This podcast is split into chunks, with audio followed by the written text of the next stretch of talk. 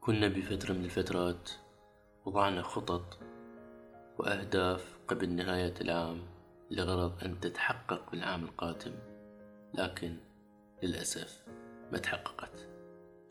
اليوم الحلقة مختلفة كونها آخر حلقة فتعالوا ويانا نجاوب على عدة أسئلة. فلان أو فلانة من الناس يقولون السنة الجاية أكون أفضل وما أضيع وقت وألتزم كل الخطط اللي أريدها.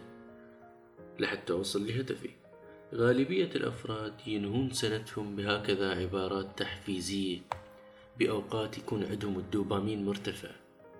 وهالهرمون هو هرمون التحفيز وزيادة التوقعات المتفائلة أي أنه هو شعور المتعة وليس المتعة بذاتها. فلو كنت تحس بمشاعر حلوة وكان يومك حلو ويجي واحد يخرب مزاجك بطريقة أو بأخرى تقول له لا تقتل المتعة يا مسلم. أنا أبغى كذا يا أخي. عموما نرجع لموضوعنا هو توقعاتنا تجاه أنفسنا تحت تأثير الدوبامين.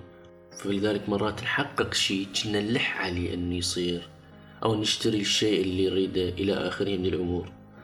بعد فترة نكتشف أنه صار فتور تجاهه وأنه الأمر طبيعي. وممكن تكرهه وممكن يخطر على بالنا سؤال اللي هو ليش كل شيء حلو عمره قصير تجاوب عليه الانثروبولوجية هيلين فيشر تقول معدلات الدوبامين مجرد ما تنخفض يعيد الشخص حساباته تجاه الشيء اللي انفرز الدوبامين على موده. يعني هو هذا السبب لو شخص في علاقة حب مثلا ويمر كلا الطرفين بإفرازات دوبامين عالية. كبدايات ومع مرور الزمن ما يكون نفسه. هيلين فيشر حددت المدة. من 12 شهر إلى 18 شهر وقالت إن الحياة ترجع طبيعية مثل ما كانوا قبل من كانوا ما حد يعرف الله. فتقول هو هذا الطبيعي بالإنسان. خلصت مهمة الدوبامين. يحدث الملل والروتين والبعض يقرر الابتعاد وإنهاء العلاقة كونها غير منتجة لشيء جديد أو مبهر. فهنا فيشر تقول بأنه حل كل هذا؟ يجي من الرضا. فالرضا عنصر مهم جدا بحياتنا خصوصا فيما يتعلق بأمور مصيرية. نقيس هذا الشيء أو هذا المثال على بقية الأشياء اللي نريد نعيشها أو نحققها. فلو عندكم هدف معين تحبون توصلون إليه خصوصا فيما يتعلق بأمور شخصية وأهداف ما في حياتنا السؤال اللي لازم نطرحه هل لو انتهى الشغف أو الدوبامين اللي أحسه من هذا الشيء هل راح أبقى راضي مقتنع وياه؟ باللي حققته وأكون مكتفي أم أتركه وأحس بملل تجاهه وممكن أبحث عن بدائل. جاوبوا على السؤال بينكم وبين نفسكم. الرضا والقناعة هم اللي يجلبون السلام الداخلي للإنسان وبسببه يكون للإنسان رؤية واضحة بأن الخطوة الجاية شنو؟ لأن الله يفتح الأبواب الجديدة لمن رضى بما عنده ويكون السعي حليفة في المراحل القادمة. أغلب الأشخاص يخططون هواية فلما يجي للتطبيق والسعي يشوف نفسه مشتت غير قادر على الاستمرار فيشوف نفسه أقل من الهدف فيتلاشى ويصير مجرد ذكرى حتى مو محاولة.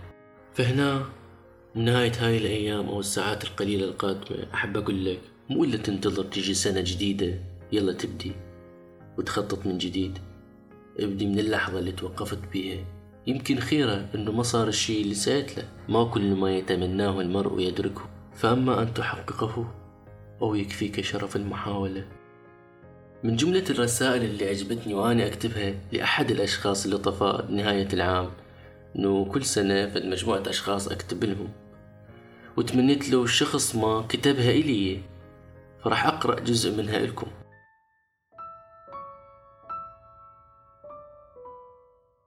واعلم أن أشد ما يختبر به المرء هو الرضا في موضع الحرمان أو الفقد أو الحزن.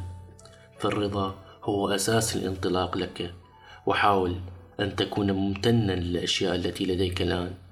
أشخاص رائعون أهل وأحبة أشياء تملكها الآن أو كنت تتمنى أن تملكها. امتن لوجودها لتزيد نعمة بقائها. عند النوم أو عند الاستيقاظ.